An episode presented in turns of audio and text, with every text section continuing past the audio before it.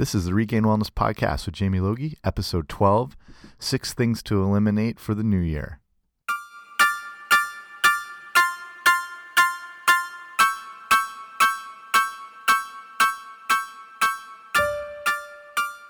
Okay, just kidding. Here's my real intro.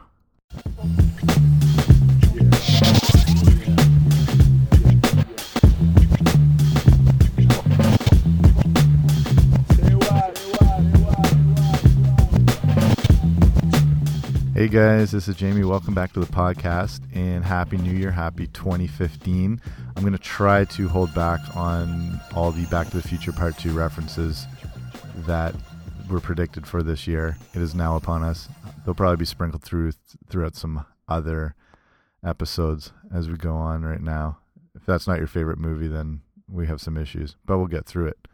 So it's the new year. Obviously, this is a big time for New Year's resolutions and all things like that. I'm not a big fan of them. I think it's better to spread things out through the year, not have one day as this sort of jumping off point where everything has to start. You're better making slow, little gradual changes as the year goes on. And I run regainedwellness.com, which is a website that's set up to provide pri primarily nutrition information and fitness information, wellness information, everything like that. And it's one thing I encourage is that you strive for progress, not perfection all the time. And trying to jump into something full on can usually set you up for a little bit of trouble. It's better to slowly implement in these changes as you go. So today we're actually talking about six things that you can do to improve your health. And as the new year is a time to kind of kick off those health or wellness goals, if you do have them, there's a couple tips here you could apply right away. You don't have to use all of these, but it gives you a good, like I said, jumping off point. And the idea is to slowly incorporate in these different new habits, ultimately to get you towards a goal of this better health. So I'm going to jump right into it with six of the biggest things I think are crucial to eliminate to help with your overall health and wellness. And first thing is going to be sugar. And to me, this is probably the best thing overall you could do. White refined sugar is one of the biggest curses of our time. The rates of obesity and diabetes that have arisen over the years is just staggering, and sugar is right at the forefront in creating havoc in the body. Its most detrimental form, I'd say, is in the form of high fructose corn syrup.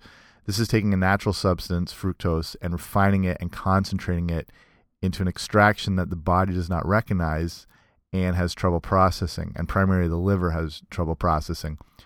High fructose corn syrup was invented in the late 50s and introduced in roughly the early 70s as a substitute for fat during the low fat craze. Trade restrictions, things like that, were making sugar more expensive, and corn was extremely cheap and plentiful.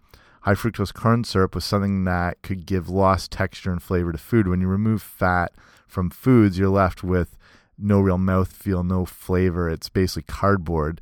And this was something that was able to kind of give that lost flavoring and textures. It also had a very long shelf life and it's cheaper to produce than using higher imported tariff laden things like cane sugars. Sugars lead to spikes in blood sugar that can lead to body fat storage, as sugar that is not used by the body is converted to body fat by insulin. And along with body fat over time, this constant insulin release can lead to insulin resistance and ultimately things like type 2 diabetes. I'm going to put a on the show notes if you go to regainedwellness.com slash 012 this all the links and stuff I talk about I'll put on the website so you can see. So I've got a there's a graph that has the consumption of sugar from around the early 1800s and covers just around 200 years and you can see the rate that we consume. So if you can't check that out basically in the early 1800s people were consuming what would equal around a 12 ounce can of a soft drink every five days. Now we're eating that amount of sugar every seven hours Cutting out sugar or reducing it drastically will help in fighting off obesity and diabetes. It will help keep energy levels more stable and help us avoid craving more of it. Sugar has been shown to have addictive properties, so having a sweet tooth might be more of an addiction than you realize. And sugar just might be the cause for more diseases than we realize. We're starting to become more aware of what this stuff can do to our bodies and the fact that it is everywhere. Like, here's some surprising places you can find sugar ketchup, pasta sauce, cereal bars, bread, crackers, sushi, soy milk, frozen dinners.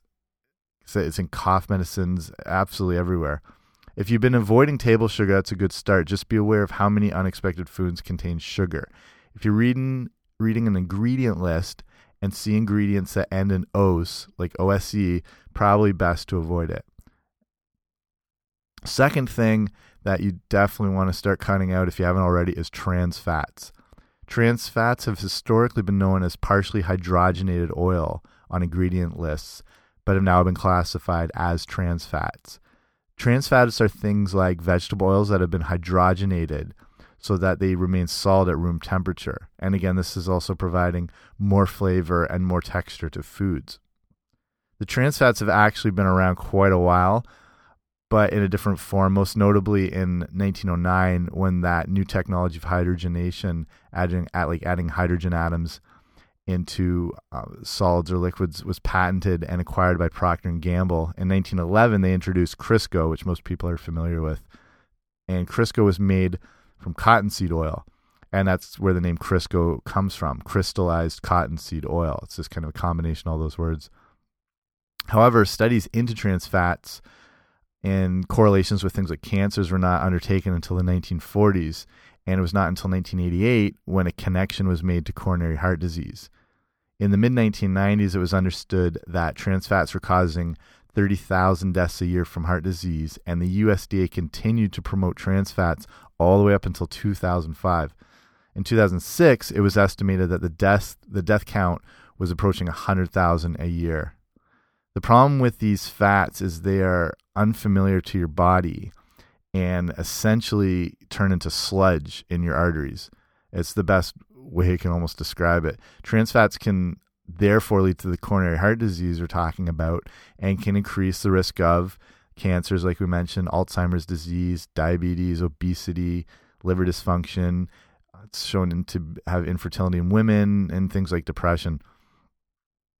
Trans fats honestly have no place in a human diet at all, in my opinion, and probably a lot of other people's opinions as well.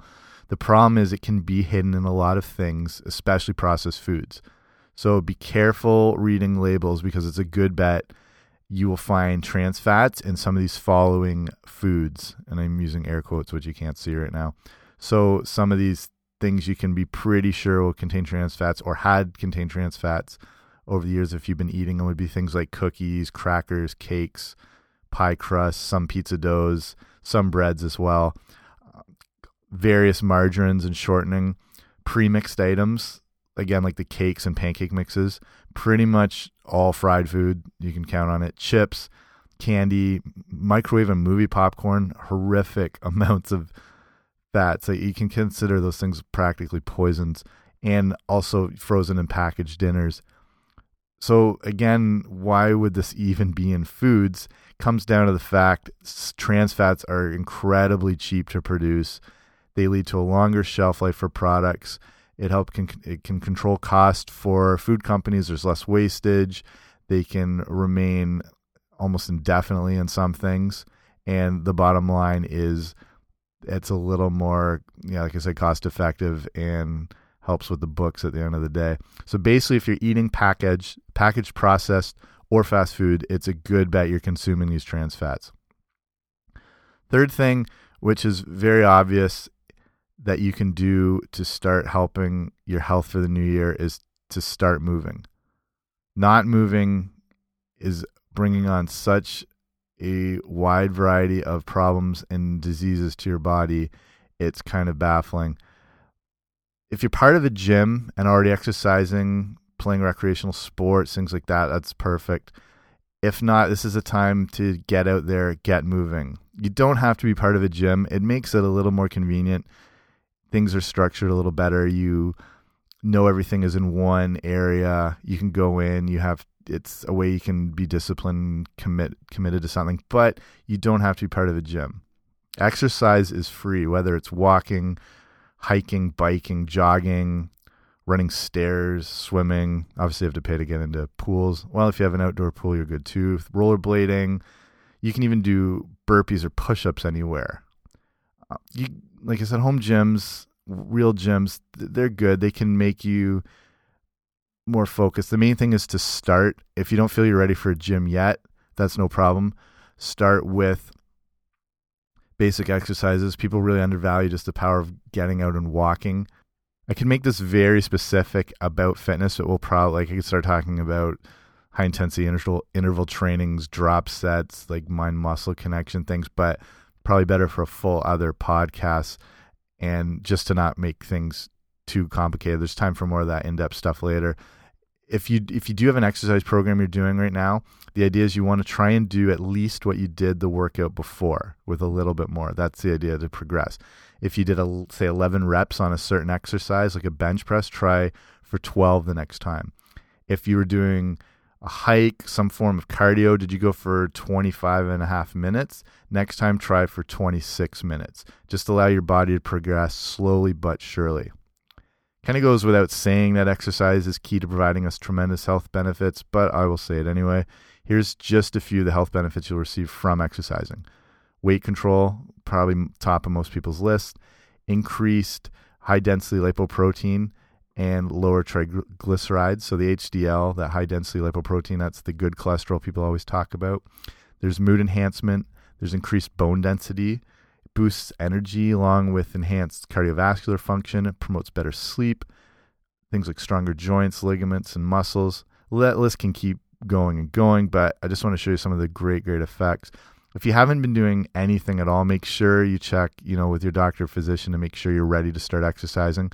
But the goal of, you know, just 30 minutes three to four times a week can start helping you get all those benefits we I just talked about people really complicate exercise too much and we can definitely get more specific with it and more advanced. But if you're new to just getting healthy and getting started out, the idea is to just start moving.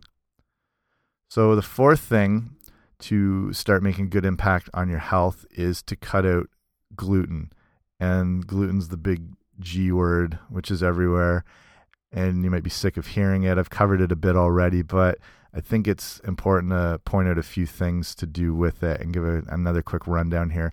Gluten is basically sticky protein found in the seeds of grass, which we call grains. It's primarily in wheat, barley, and rye, but wheat is a form most everyone encounters on a daily basis. And gluten is what makes breads fluffy and dough like stretchy.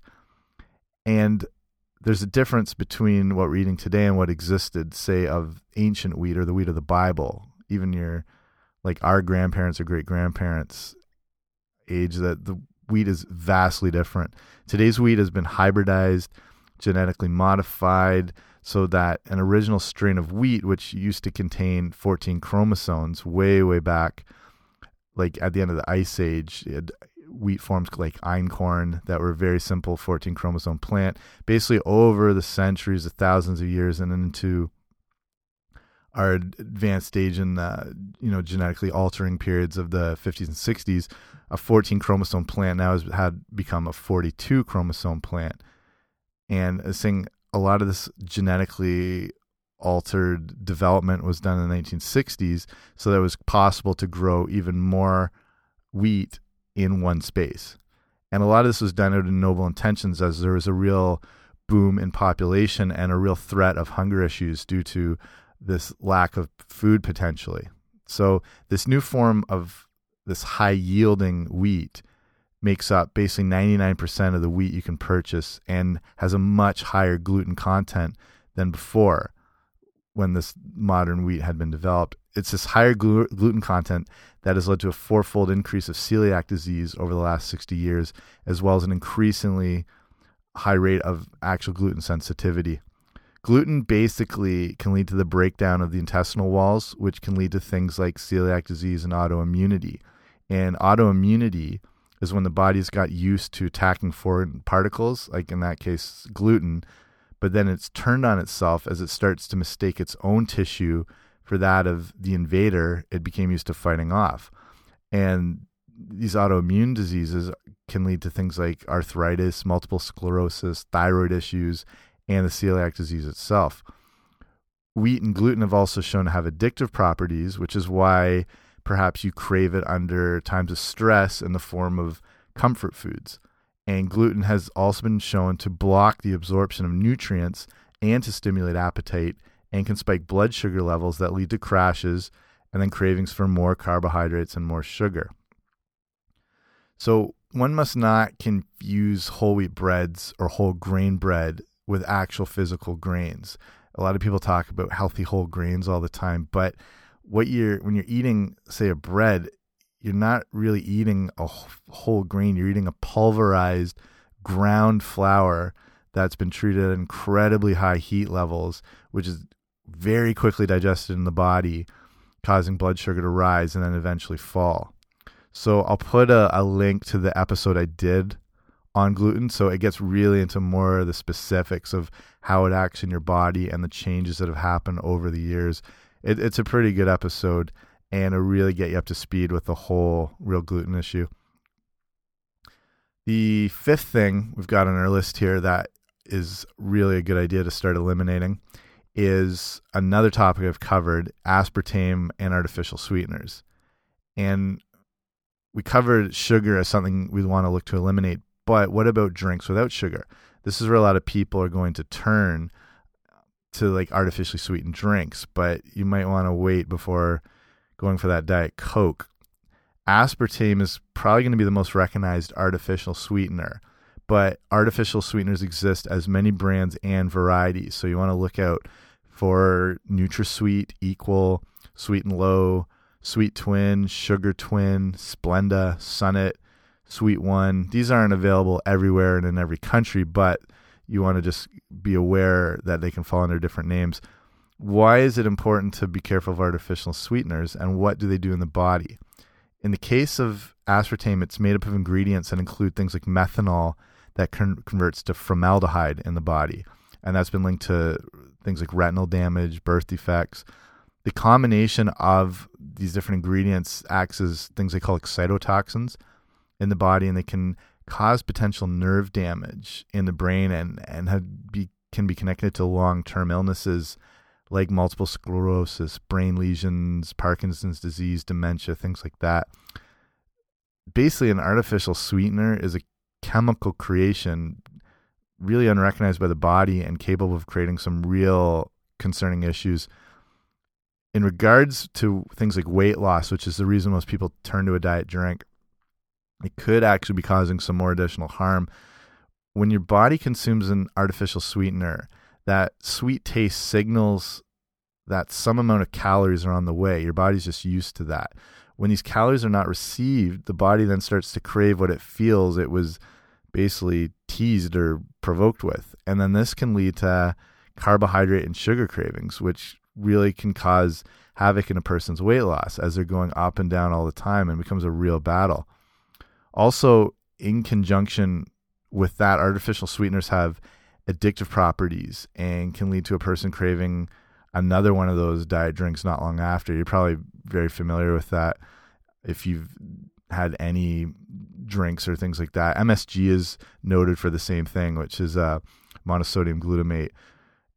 Traditionally, in you know a lot of junk foods and processed food, and people associate it with like you know cheaper Chinese foods and things like that, and you're always you know potentially hungry an hour after you just had it. That's the idea that they can really create this sense of craving in your body, which is linked together in the brain. So you know that whole cycle together is a vicious combination that just makes things go round and round like that. And I'll link up as well if you want to read my full article on aspartame. I can put that in as well. We have a podcast on the same subject. So the last thing, and I covered this in the last episode, but it just really needs to be understood and promoted that stress is one of the biggest things you want to eliminate in the need to get healthy and well. And I've covered some of these stats before, but at the moment, 43% of adults suffer adverse health effects from stress. And the American Medical Association has observed that stress is the cause of 60% of all illnesses and disease. And I have another link that the American Psychological Association has that digs really deep into the effects of stress here. It's a longer kind of document, but I'll put a link to that as well. Stress makes up a huge part of our lives and it has evolved over the centuries from, you know, stress about worrying about adequate shelter to me worrying what will happen if I don't install latest iTunes update and if just things will all go to hell just like that. Our stresses today range from significant to trivial, but they all have the same effects in our body.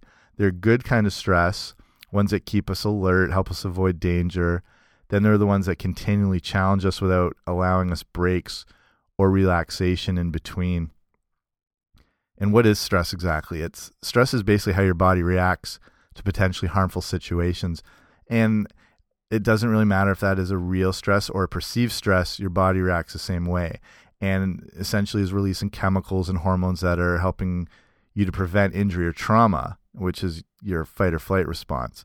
So, you know, this is helpful in jumping out of the way of a car or a I don't know, a dog attacking you wherever it is, doesn't matter. It's your body's reaction system. But gradual long term stress can have some serious effects on the body. I've listed these before in another episode, but I'll just run through them because I really think people need to get a grasp on the damage stress is doing to your body.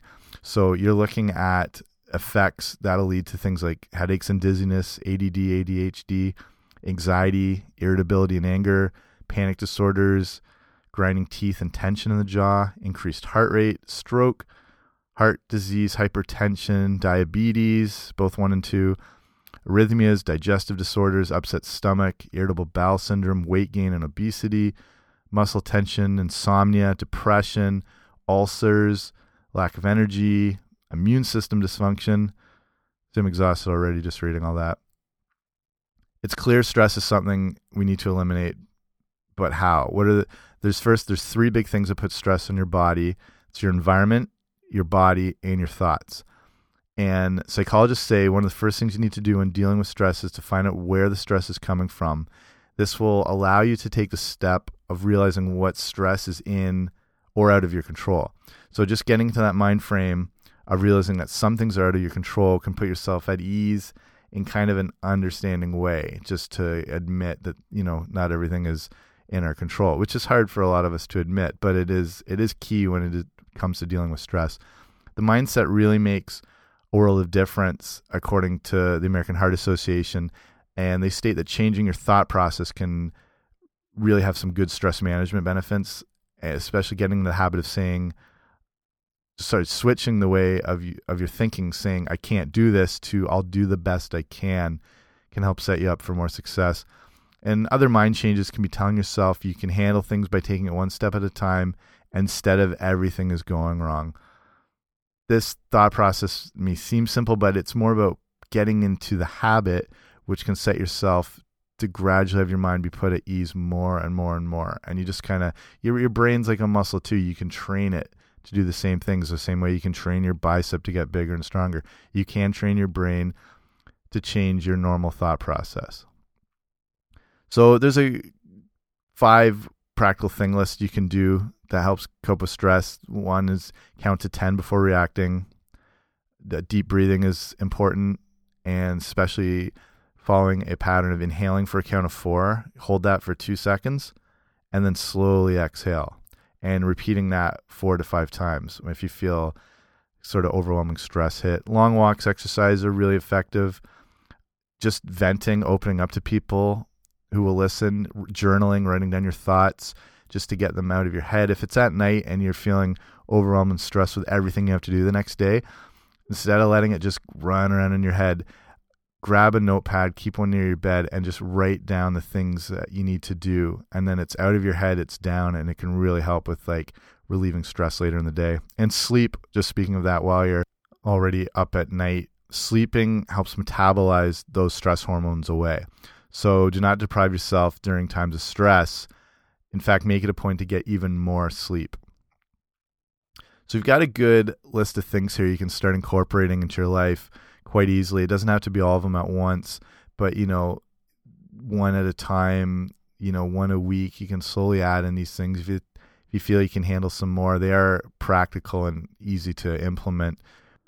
Remember, Rome wasn't built in a day, and the strives for your health and wellness are not going to happen overnight. It's the idea of slowly, you know, putting one foot in front of the other, and that idea of progress, not perfection, and working your way towards the goal. So, if you haven't already, head over to regainedwellness.com. I've got a ton of articles up there on all different issues, every topic you can imagine, and there'll be more coming. Coming. If you want to be kept up to date with things, you can sign up for the email newsletter I have. And when you do sign up for that, I send off a guide. It's a free ebook called the Healthy Eating Starter Kit. So it breaks down a lot of the things you want to start including in your diet, things you want to eliminate, some of the things we talked about today.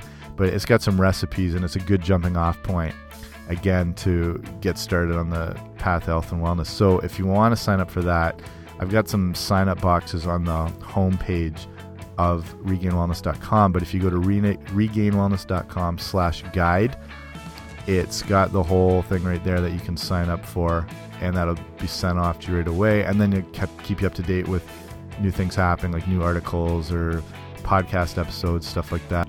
So I really encourage you to join the email list. That's just the best way I can keep in touch with people.